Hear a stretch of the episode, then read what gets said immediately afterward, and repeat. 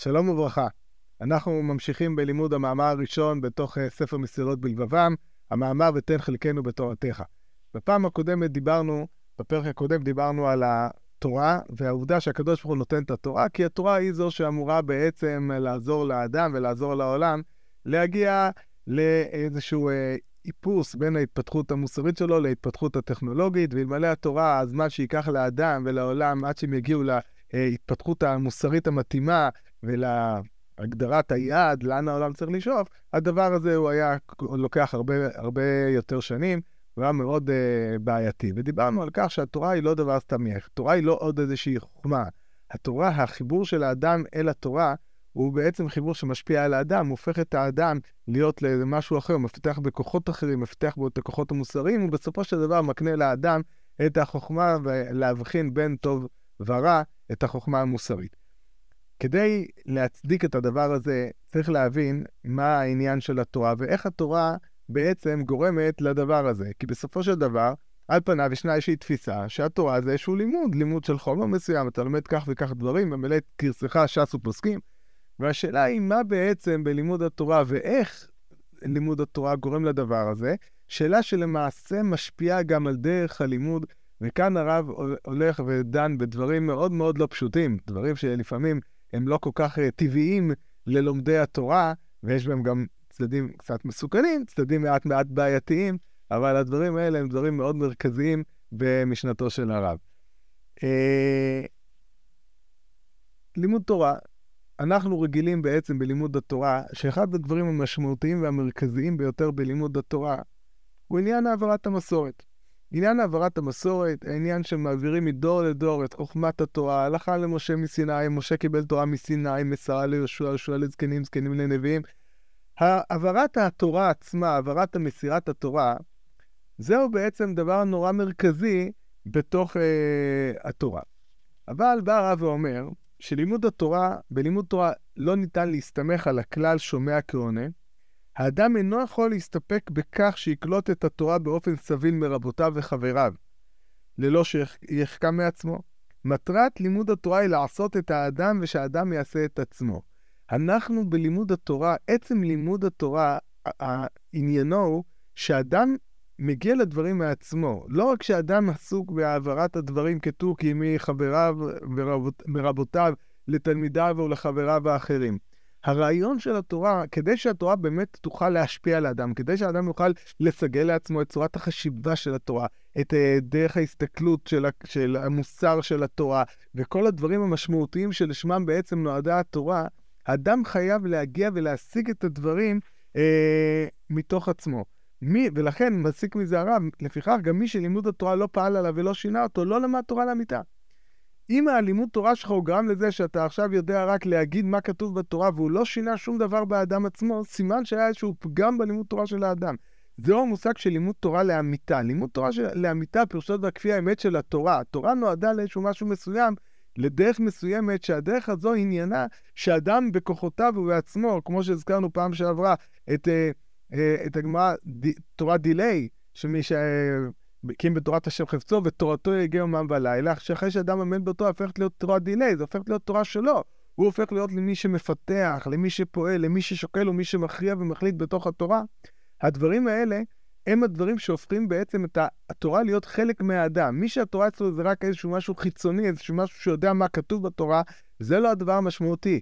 העניין הוא שאדם צריך לפעול בתורה, להשיג בתורה, להכיר בתורה, וככה גם באמת אה, לפעול בתוכה ולהבין ולהכריע בתוך אה, התורה הזו, ולימוד התורה, כמו שאני שוב קורא פה מתוך המאמר, לימוד התורה הוא אתגר של עשייה עצמית ופיתוח האישיות, אתגר הנמשך כל החיים ודורש השקעה רבה. וזה נכון שחלק גדול מתוך התורה הוא חלק שבו אנחנו בעצם בונים דבר על גבי הקדמונים, אנחנו לא מחדשים את התורה. האדם תמיד לומד מרבותיו, ומי שלא שינה ולא שימש תלמידי חכמים, הרי זה בור, הרי הגמרא במסכת סוטה, הרי זה בור, הרי זה עם הארץ, הרי זה מגוש, לא משנה, יש כל מיני הגדרות, אבל הרעיון הוא אותו אחד, שאדם ששנה ולא שימש תלמידי חכמים, שהוא לא קיבל מרבותיו ולא ראה איך רבותיו פועלים, הדבר הזה, זה חיסרון גדול בתורה. התורה בוודאי שהתורה משמעותה שאנחנו עומדים וממשיכים את השרשרת הדורות הקודמים, ולמעשה אנחנו כננס על גבי ענק, אבל אנחנו משהו, אנחנו ננס, יש לנו עמידה עצמית ועמידה מאוד מאוד משמעותית. ומהסיבה הזו, אדם שלומד את התורה, הוא חייב ללמוד את התורה מתוך איזושהי חשיבה, חשיבה ביקורתית, מתוך חשיבה שהוא בוחן את הדברים, והוא צריך להפעיל את שיקול הדעת שלו ואת השכל שלו כדי לבחון את הדברים וכדי לפתח אותם וכדי גם להכריע בתוך הדברים האלה. הרב מבסס פה הרבה מאוד על דבריו של רבי אברהם בן הרמב"ם במאמר שלו על אגדות חז"ל. זה מאמר שמופיע בכמה מקומות, המקום הנגיש ביותר זה בהקדמה לספר, לספר עין יעקב על האגדות, יש שם מאמר על אגדות חז"ל מרבי אברהם בן הרמב"ם, והמאמר הזה מופיע גם בסוף, אה, הוא הודפס גם בסוף ספר מלחמות השם, מאמר מאוד מאוד מאוד חשוב, שהוא נותן לנו בצורה מאוד תמציתית אה, את התפיסה של רבי אברהם בן הרמב"ם, והיא למעשה גם תפיסתו של הרמב"ם, על כל נושא ההקשבה לדורות הקודמים מול הפעולה של הדורות הבאים וההתייחסות של האדם והביקורתיות שלו בלימוד, וניקח קצת מתוך הדברים האלה במאמר. אומר רבי אברהם בן הרמב"ם, דע כי אתה חייב לדעת, כל מי שירצה להעמיד דעת ידועה, ולישא פני אומרה ולקבל דעתו בלי עיון והבנה לעניין אותו דעת אם אמת איתה אם לא, שזה מן הדעות הרעות והוא נאסר מדרך התורה וגם מדרך השכל.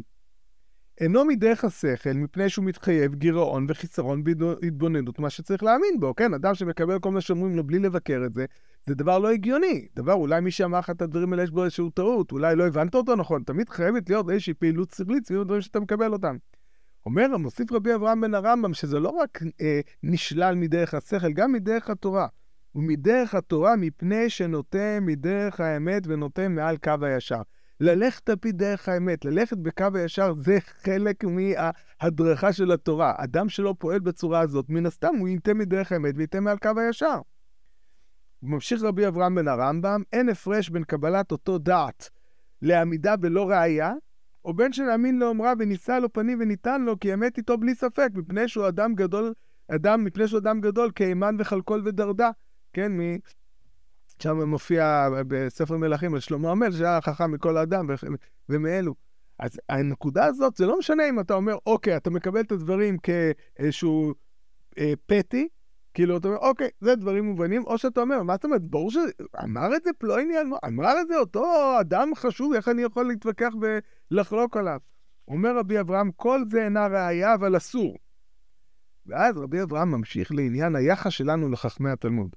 ובלפי הקדמה זו לא נדחה מפני גודל מעלת חכמי התלמוד ותכונתם, לשלמות תכונתם בפירוש התורה ודקדוקיה ויושר אמריהם בביאור כללי הפרטיה, שניתן להם ונעמיד דעתם בכל אמריהם ברפואות ובחוכמת הטבע והתכונה, ולהאמין אותם כאשר נאמין אותן בפירוש התורה שתכלית חוכמתה בידם. אז רבי אברהם פה מחלק בין התורה לבין uh, דברים אחרים. אומר רבי אברהם, שאנחנו מתעסקים בכל ענייני חוכמת הטבע, וזה גם מופיע במקומות אחרים, חוכמת הטבע, אנחנו לא צריכים לקבל את הדברים של רבותינו זיכרונם לברכה, כי כל מה שרבותינו זיכרונם לברכה רצו לה, להביא לנו, רצו להביא לנו שלהראות שגם הם אה, היו בקיאים בכל החוכמות שהיו בימיהם.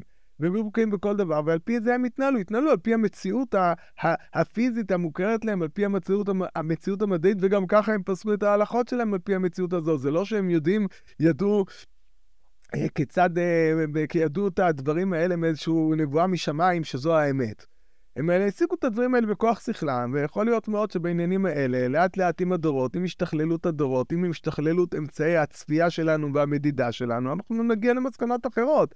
יש לדוגמה במסכת פסחים ויכוח מאוד מאוד מעניין, רבי אברהם בן הרמב"ם במאמר שלו בונה הרבה מאוד מן המאמר הזה, על הוויכוח הזה בין רבי לבין חכמי אומות העולם, אה, בין חכמי אומות העולם לבין חכמי ישראל ביחס, שדנים שם על כמה דברים, אחד מהם זה דרך התנועה של, של השמש. שלפי חכמי אומות העולם, השמש בעצם, אה, השמש מקיפה את כדור הארץ, כמובן זה לפי התפיסה הקדומה, השמש מקיפה את כדור הארץ. ולמעשה בלילה שהשמש שוקעת, היא הולכת מתחת לארץ, ובסופו של דבר, למחרת היום היא מופיעה בצד שני, ולכן היא כתנועת העיגול, זה לא משנה כרגע אם מדובר היה על כדור או על פלטה, לא משנה כרגע מה הייתה תפיסתם, אז זה לא משנה. אבל מבחינתנו, השמש, השמש מתנועת סביב כדור הארץ במעגל. לעומת זאת, חכמי ישראל סברו שבגלל בוקע חלוני רקיע, שהשמש ביום נע מתחת, הרקיע זה כאילו איזשהו כדור כזה, ב- ביום השמש נע מתחת לרקיע, לכן אנחנו רואים אותה נע ממזרח למערב, ואז היא חוצה בבין השמשות, ואחרי שקיעת החמה היא חוצה את הרקיע, שזה איזה רווח מסוים, חוצה אותו, ומתחילה לנוע לצד שני מעל גבי הרקיע, ובבוקר היא שוב חוצה אותו פנימה בתנועה כזאת, בתנועה שכאילו מלמטה חוצה וחוזרת חזרה. נעה ממזרח למערב, חוצה את הרקיע ונעה ממערב למזרח, וכן וחוזר חלילה. ואז בסופו של דבר, רבי יהודה הנשיא רואה, אומר שהוא רואה את, את דת חכמי אומות העולם יותר מדת חכמי ישראל. למה? מה הטיעון שלו? שבלילה המעיינות רותחין. כנראה הכוונה לזה שהים אה, בלילה, הים בלילה הוא יותר חם, עקב קיבול החום שיש במים, שהוא יותר גבוה מזה של היבשה, אז המים לוקח להם הרבה יותר זמן להתקרר והרבה יותר זמן להתחמם. אז בלילה יש מצב שבחוץ הטמפרטורות יכולות להיות, טמפרטורות המים יכולות יותר גבוהות, למרות שזה כבר לילה. אז אולי לזה, לזה כוונתו. המעניין בדבר הזה, שאלו, גם חכמי אומות העולם טועים, וגם חכמי ישראל טועים, וגם הראייה שהביא הרבי לדבריהם אינה ראייה. ולדבר הזה, זה דבר שמופיע בתלמוד.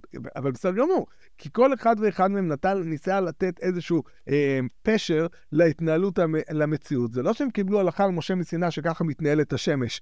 או קיבלו איזה נבואה ביחס לדבר הזה. הם ראו את התנהלות השמש, וכל אחד נתן לשמש לפי המצב שהם הכירו, המצב האסטרונומי שהם הכירו, הוא נתן איזשהם הסברים מסוימים, ועל פי הדבר הזה הם הכריעו את דבריהם. אז הדבר הזה זו דוגמה לכך שאנחנו לא צריכים לקבל דברי חכמי ישראל, אומר רבי אברהם בן הרמב"ם, בכל מה שקשור לחוכמת הטבע והתכונה והדברים האלה, כי הדברים האלה הם לא קשורים לתורה. הם היו אנשים מאוד מאוד חכמים, היו חכמים בימיהם והכירו את כל החוכמות שבימיהם, אבל עדיין זה לא נותן להם איזשהו אה, אה, ערך אה, אה, נשגב בדברים האלה מאשר כל אדם חכם אחר. מה שאין, כן? כאן מגיע רבי אברהם לחילוק שלו. מה שאין כאן כשאנחנו באים לדבר על התורה וחוכמתה. כשאנחנו מדברים על התורה, אומר רבי אברהם בן הרמב"ם, פירוש התורה, תכלית חוכמתה בידם. אנחנו צריכים אה, לקבל, ביחס לתלמוד, אנחנו אה, צריכים כן אה, לקבל את הדברים האלה. אבל גם כשאנחנו באים לדבר על חוכמת התורה, אנחנו צריכים uh, להבין שגם בתורה, רבי אברהם בן הרמב"ם אומר את זה, הדברים אינם כה פשוטים, כי בסופו של דבר, אנחנו רואים שהלכתא כבתריים. אנחנו רואים שבאמת, אנחנו, בתורה, אנחנו ממשיכים את הדורות הקודמים. ויכול להיות שלדורות המאוחרים, ושוב, אני לא אקרא, לא אקרא כרגע מתוך דבריו של רבי אברהם בן הרמב"ם, מופיעים במאמר, שגם לד... שלדורות המאוחרים יש איזשהו יתרון מסוים על פני הדורות הקודמים, מפני שהם מקבלים אה, דבר הרבה יותר מובן ממה שאחרי שהם ביררו אותו, והדורות ביררו אותו, ועכשיו הם ממשיכים לברר את הדברים האלה. ולכן בסופו של דבר היכולת שלהם לבחון את הדברים היא יכולת הרבה יותר רחבה, ולפעמים יש להם אה, כלים נוספים. ולכן מהסיבה הזאת, אומר רבי אברהם בן הרמב"ם, הכלל אצלנו זה הלכתה אה, כבתראי. זה לא כלל תלמודי כמובן, זה כלל מאוחר יותר, אבל הדבר הזה, הוא מופיע, הרוח שלו מופיעה במקומות, אה, במספר מקומות. ואם כן, גם כשאנחנו באים לדבר על חוכמת התורה, אנחנו בסופו של דבר, אנחנו נסמכים ואנחנו עומדים כננס על גבי ענק על uh, כל מה שבנו הדורות הקדומים, ואנחנו חייבים לקבל את דבריהם, ו... אבל אנחנו צריכים, יש לנו חובה לבקר, להמשיך לבחון את הדברים, לברר אותם, ולפעמים הפרספקטיבה שיש לנו בדורות מאוחרים היא פרספקטיבה רחבה יותר וטובה יותר, ולכן גם אנחנו צריכים ללכת על פי אותם דברים. לפעמים, דרך אגב, גם ייתכן שהמציאות משתנה, וצריך לתת מענה אחר למציאות, ודברים נוספים מתגלים, ולכן תמיד ההסתכלות של האחרונים, יש לה יתרון, אם הם עושים את זה בצורה טובה ונכונה, יש לה יתרון על פני ההסתכלות הקודמת. הדבר הזה גם מצאנו אותו במקומות נוספים, את העניין הזה ביחס ללימוד התורה, שבלימוד התורה אנחנו ככה צריכים להתנהל. אז מובא פה במאמר את הדברים של הרמב"ן בסוף ההקדמה, בסוף ההקדמה שלו להשגות לספר המצוות. ששם למרות שהרמב"ן בסופו של דבר, מה שעשה הרמב"ן בספר, בהשגות שלו לספר המצוות, הוא אה, התווכח עם הרמב"ם כדי להצדיק את בעל ההלכות גדולות. אבל אומר הרמב"ן שלמרות כל הדברים האלה, והנה אם חשקי וחפצי להיות לראשונים תלמיד, לקיים דבריהם ולהעמיד, לעשות אותם לצווארי רביד ועל ידי צמיד, לא יהיה להם חמור נושא ספריהם תמיד, עושה את זה כמובן בחריזה. אבחר דקה, דרכם ואדע ערכם, אך כאשר לא יכילו רעיוני, הדון לפניהם בקרקע, אשפוט למראה עיניי.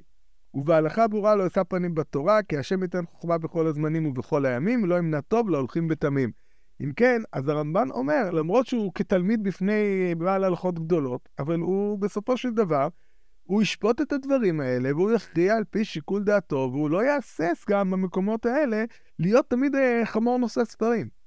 והדברים האלה מופיעים בצורה הכי ברורה אצל רב חיים מוולוז'ין, תלמיד הגר"א, בפירוש שלו לנפש החיים, אה, בפירוש שלו למסכת אבות, סליחה, בשם רוח, חי, רוח חיים, ששם הוא כותב, ואסור לו לתלמיד לקבל דברי רבו כשיש לו קושיות עליהם, ולפעמים יהיה האמת עם התלמיד.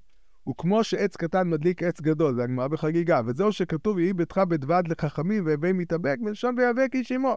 ואז הוא ממשיך ואומר, זה המאבק שיש לנו, הדבר הזה, או אנחנו נגד רבותינו, נוחם עדן והספרים, אז זה שאנחנו מתווכחים עם מה שכתוב בספרים, אנחנו צריכים ללמוד, ואנחנו לא צריכים לקבל כל דבר, ואנחנו צריכים לברר אותו ולשקול אותו, ובסופו של דבר להכריע, ויכול להיות לפעמים שהאמת עם התלמיד. כמובן, נדגיש רב חיים מוולוז'ין, שאת הדבר המשמעותי, שזה יהיה בענווה יתרה.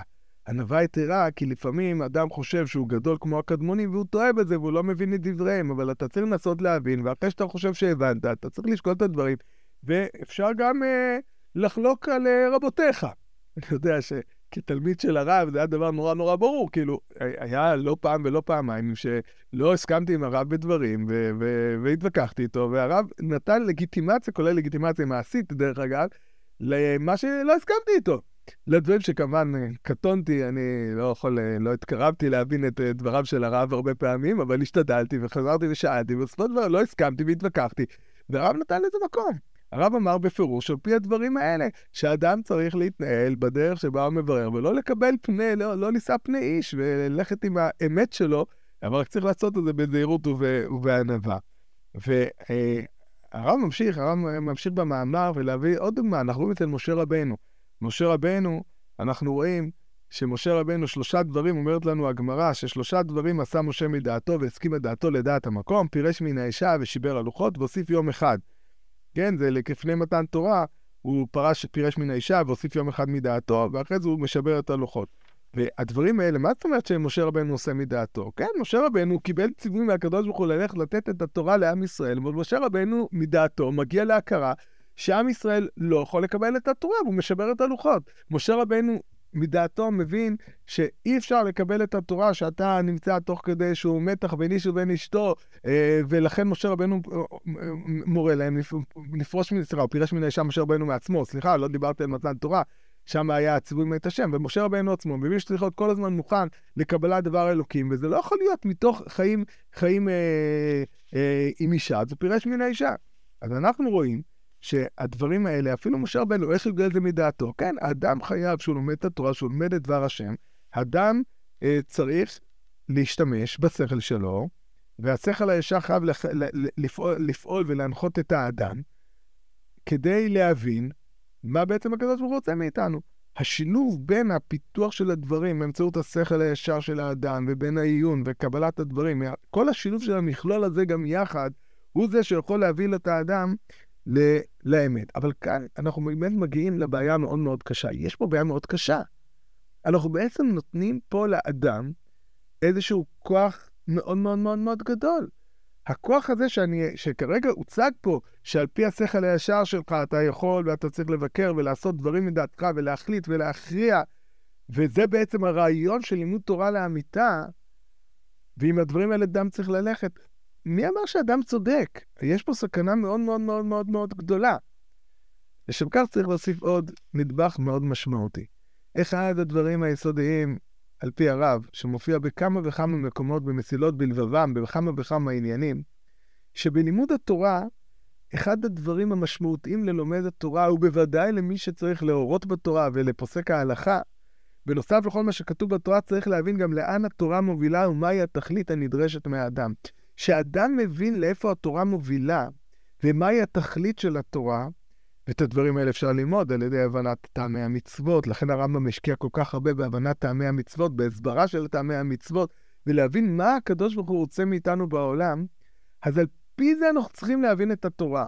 שיש לנו תורה, התורה לא יכול להיות שהיא לא תהיה מותאמת לתכלית ולייעוד וש, שיש לאדם בעולם ולתכלית המצוות ולמטרתן. מי שנוצר אצלו איזשהו נתק, שבסופו של דבר התורה, מה שהוא הבין כתורה, הדבר הזה מוביל לא לדברים האלה, הדבר הזה מראה על איזושהי בעייתיות בתורה. ולכן ברגע שאדם שם לנגד עיניו את ייעוד האדם ותכלית התורה ומטרת התורה, בזהירות רבה, כי אנחנו, זה שדה מוקשים מה שאנחנו אומרים כרגע, אם האדם עושה את זה בזהירות רבה ושוקל את הדברים בצורה מאוד משמעותית, ועל פיהם הוא בוחן את הדברים, בוחן את התורה, בוחן את ההלכה, בוחן את כל מה שהוא קיבל מהקדמונים, הדבר הזה הוא זה שבסופו של דבר יוביל אותו לתורה לאמיתה. יש פה אחריות מאוד מאוד מאוד גדולה על לומדי התורה.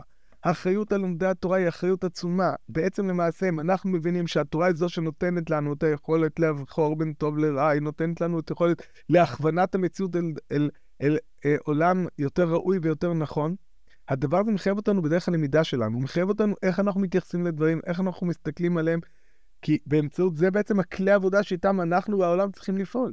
והדרך להשגת הדברים זה הדרך של לימוד תורה לאמיתה, שהוא כולל בתוכו שלושה מרכיבים מרכזיים. האחד זה להבין מה הקדוש ברוך הוא רוצה מאיתנו, לאיפה התורה שואפת, מהי התכלית, מהי, מהו הייעוד, מהם הטעמים של המצוות ושל התורה, ולאיפה העולם הזה צריך להגיע, אה, על פי מה שאנחנו רואים בתוך התורה, על פי מה שאנחנו יכולים לנהוג ממנה. יש פה מרכיב מרכזי ביותר, שהוא באמת תופס את מרכז הנפח של הדברים, וזה עצם לימוד התורה, הקבלה של כל מה שהתפתח בעם ישראל בכל הדורות, כשרשרת אחת ממשה רבנו ועד ימינו אלו, וזה באמת הנפח הגדול. ומעבר לזה, הכוחות האישיים, א', השימוש בשכל, בבירור, בלנתח, וכמו שאמרנו, לא לירה מפני איש, ולנסות לבחון את הדברים ולשקול אותם בתוספת לענווה וזהירות ופיתוח של האחריות ואומץ, בעצם לבוא וללכת על פי מה שנראה לך מהדברים. כל אלו הם אלו שבעצם מאפשרים את הלימוד של התורה בצורה הנכונה והמתאימה, כדי שהם יוכלו, שהתורה תוכל אה, לשרת את הייעוד הגדול שלשמה, אה, שלשמו היא ניתנה, וזה בעצם היסוד של הלימוד תורה לאמיתה. א', לימוד התורה מפי הקדמונים, באמצעות אה, בחינה, באמצעות השכל שלנו, בהתאם לפיתוח של מידות תרומיות, של ענווה וזהירות, ומצד שני, אומץ לפעול בדרכים האלה, וכל הדברים האלה מותאמים למה שבעצם התורה רוצה להשיג, של ההבנה אה, עמוקה של תכלית התורה והמציאות, ולאיפה אנחנו בעצם צריכים אה, לבוא ולאיזה כיוון אנחנו צריכים אה, לפעול, וזה בעצם היסוד של התורה לאמיתה. הדבר הזה, לימוד התורה ואיך התורה פועלת ואיך צריך להתנהל איתו במציאות, הוא לא רק שאלה פרטית של האדם, כמובן מדובר פה בשאלה ציבורית, איך ציבור צריך להתנהל, והדבר הזה הוא גם משתנה לפעמים מדור uh, לדור, כפי שנדבר בעזרת השם בפרק הבא.